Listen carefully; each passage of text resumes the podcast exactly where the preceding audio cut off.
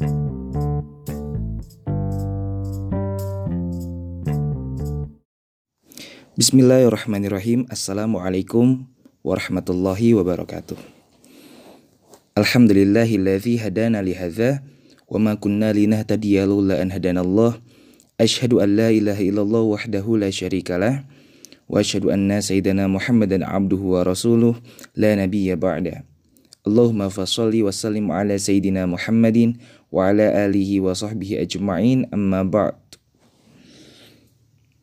وقال الله تعالى في القرآن الكريم أعوذ بالله من الشيطان الرجيم ومن يهاجر في سبيل الله يجد في الأرض مراغما كثيرا وسعة. وقال رسول الله صلى الله عليه وسلم innamal a'malu binniyat wa innamal likulli imri'in ma faman kanat hijratuhu ila wa rasulih wa rasulih faman kanat hijratuhu lidunya yusibuha aw imrati yankihuha fa ila ma hajaru ilaih al hadis um, di episode kali ini bahasan gua bahasan kita di bulan Ramadan ini tentang hijrah Bulan Ramadan Bulan yang suci sering dijadikan ajang buat menjadi lebih baik. Menjadikan waktu yang tepat buat kita berubah dari zaman kegelapan menjadi zaman yang terang benderang. Dari dulunya yang benar-benar salah, sekarang berusaha untuk menjadi solehah. Nah, di bulan ini banyak juga fenomena-fenomena orang-orang yang berusaha hijrah.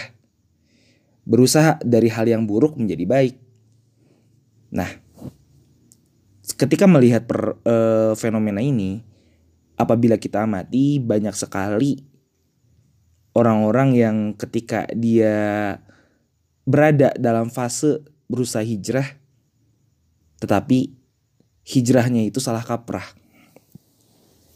Nah, apa sih maksudnya? Jadi pada dasarnya Allah Subhanahu wa taala itu menyuruh kita buat hijrah. Hijrah untuk menjadi lebih baik. Tapi hijrah untuk menjadi lebih baik itu bukan berarti kita menjadi atau merasa kita merasa lebih baik dari orang lain. Nah, um, hijrah itu kan berubah, ya enggak? Nah, apabila yang berubahnya tadinya kita misalnya nggak berjenggot jadi berjenggot kemudian yang tadinya kerudung uh, masih belum pakai kerudung jadi pakai kerudung gitu yang kerudungnya asalnya pendek jadi panjang jilbabnya gitu atau yang belum pakai cadar jadi pakai cadar gitu itu kan fisiknya nah di luar itu banyak juga hal-hal yang memang dihijrahkan kan Allah Subhanahu wa taala itu memerintahkan kita Udkhulu fis silmi kafah wala tattabi'u khutuwati syaiton. Ketika kita masuk ke dalam Islam, kita disuruh kafah, menyeluruh. Termasuk hijrah juga kita harus kafah. Nah, dalam hijrah ini memang bertahap, berproses. Yang nggak masalah ketika kita memang benar-benar dari nol gitu. Dan ya hal-hal kecil dulu yang kita perbaikin. Tapi konteks salah kaprah di sini yang bisa kita lihat tentang perasaan atau ada suatu rasa gue udah hijrah nih. Nah teman-teman gue ini yang belum hijrah wah mereka ahlun nar, ahli neraka gitu. Terus eh, kita bilang wah parah nih mereka dosa besar, mereka laknatullah gitu, kafir gitu. Serius ini gue bukan bohong karena fenomena ini bener-bener nyata. Dan maksudnya gimana ya gue kadang-kadang jadiin ini suatu bahan yang memang diskusi yang menarik juga gitu. Karena gimana ya bukan membatas-batasi bukan uh, mengkotak-kotakan antara orang yang sudah lama berhijrah orang yang baru berhijrah atau belum berhijrah tapi faktanya memang uh, ketika orang baru berhijrah itu biasanya masih labil. sama ketika orang baru berusia 17 tahun dari 16 ke 17 itu kayak masih labil-labilnya. Gue udah gue udah bisa bikin KTP gue bisa ini itu gitu tapi gue masih labil. Bahkan jangan kan 17 tahun umur 20 tahun aja biasanya masih pada labil. Karena kan ada di kondisi quarter life crisis gitu nah termasuk hijrah gitu. Kalau misalnya kita hijrah tapi kita malah mengkafir-kafirkan orang muslim kita menyalah-nyalahkan gitu.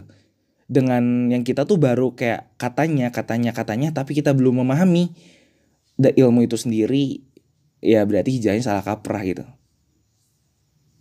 Hijrah itu untuk memperbaiki bukan untuk menjadi lebih buruk gitu. Dulunya kita bisa membaur dengan semua orang. Kita baik ketika kita berhijrah wah kita malah jadi benar-benar eksklusif kemudian kita e, mengkafir-kafirkan sesama. Ya bagaimana kita mau dakwah bagaimana kita mengingatkan satu sama lain kalau kita malah kayak gitu gitu. Mending kalau memang benar yang kita obrolin. Kan itu masih katanya katanya katanya dan kayak kita belum ada landasan yang kuat e, tentang argumen-argumen itu. Jangan apa ya namanya jangan dikira Ustadz Felix Xiao misalnya dia itu bisa sampai sekarang ini proses hijrahnya panjang banget.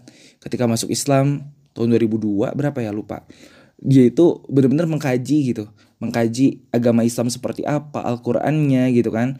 E, berbagai pelajaran-pelajarannya dan sampai ke titik ini beliau dinobatkan dan dinamakan ustadz itu prosesnya panjang kayak gitu. Nah kita walaupun yang udah muslim sejak lahir kemudian kita sempat ada di suatu lingkungan yang memang buruk kita terpengaruh di dalamnya kemudian kita berusaha menjadi lebih baik tapi kita malah salah kaprah karena tadi karena kita nggak memahami makna hijrah itu sendiri. Nggak memahami makna bahwa hijrah ini bukan hanya tentang lo itu dari dulunya suka maksiat jadi nggak maksiat lagi. Nggak cuman di sana gitu. Karena hijrah kita berubah untuk menjadi lebih baik bukan cuman zohirnya aja bukan cuman luarnya aja tapi batinnya juga gitu nah itu hal yang pertama yang harus digarisbawahi uh, tentang hijrah salah kaprah ini. Kemudian uh, kalau ditanya sebenarnya kenapa fenomena ini bisa terjadi? Nah, ini bisa terjadi ketika kita masuk dalam lingkungan ah gue mau hijrah. Oke, gue hijrah. Misalnya gue masuk ke dalam uh, organisasi ini atau golongan ini. Kemudian gue ikutin semua apa yang mereka lakukan.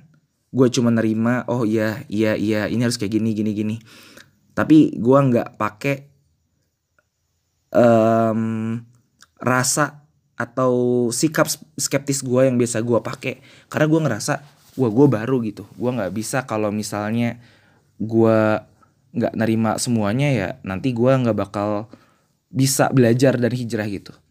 Padahal sikap skeptis ini sendiri sangat penting. Waspada dan curiga itu dua hal yang berbeda. Waspada kita jaga-jaga karena kita melihat ada suatu celah di mana kita uh, di sana tidak teliti dan akhirnya takut terkelabui. Kalau curiga itu suatu sikap di mana kita merasa wah ada yang nggak beres gitu. Kan kalau curiga itu ada yang nggak beres. Kalau misalnya waspada, kita lebih menjaga uh, supaya kita tetap sesuai di koridor yang benar gitu. Kayak gitu. Jadi waspada ini ya bisa kita bilang juga dengan sikap skeptis gitu. Termasuk ketika kita berhijrah, kita juga harus skeptis sama beberapa hal. Kita nggak nggak asal menerima semuanya tetap kita tanyakan kembali. Pun ustadznya asatifnya itu kita harus benar-benar yang udah apa ya namanya hatam lah gitu. Hatam dalam keilmuannya itu kayak benar-benar bagus. Kalau bisa yang sanadnya ada sampai ke nabi gitu misalnya. Atau yang benar-benar udah solih banget gitu. Dan jangan fanatik. Karena kalau misalnya kita udah fanatik ya kita misalnya ngikutin Ustadz A nih. Ada satu hal ada satu atau dua hal yang memang Ustadz A ini dia itu hal yang memang gak hal yang gak baik.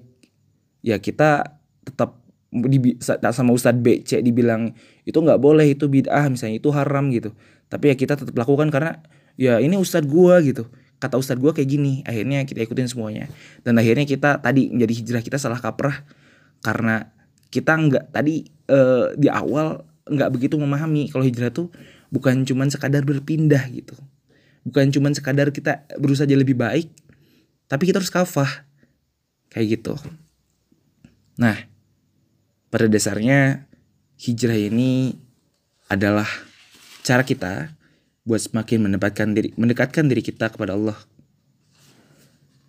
Dan hijrah ini merupakan proses yang berat dan memang setiap harinya kita juga harus terus berhijrah gitu. Terus berusaha untuk menjadi lebih baik. Yang jelas kita harus menghindari hijrah yang salah kaprah ini.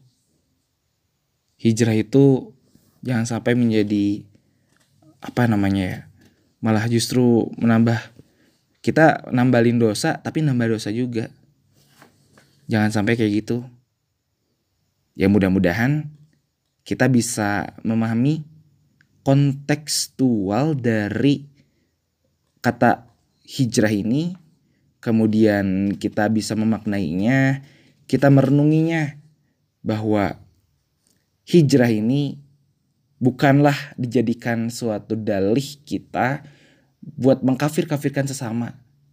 Apalagi keilmuan kita masih cetek banget gitu ketika kita baru awal berhijrah.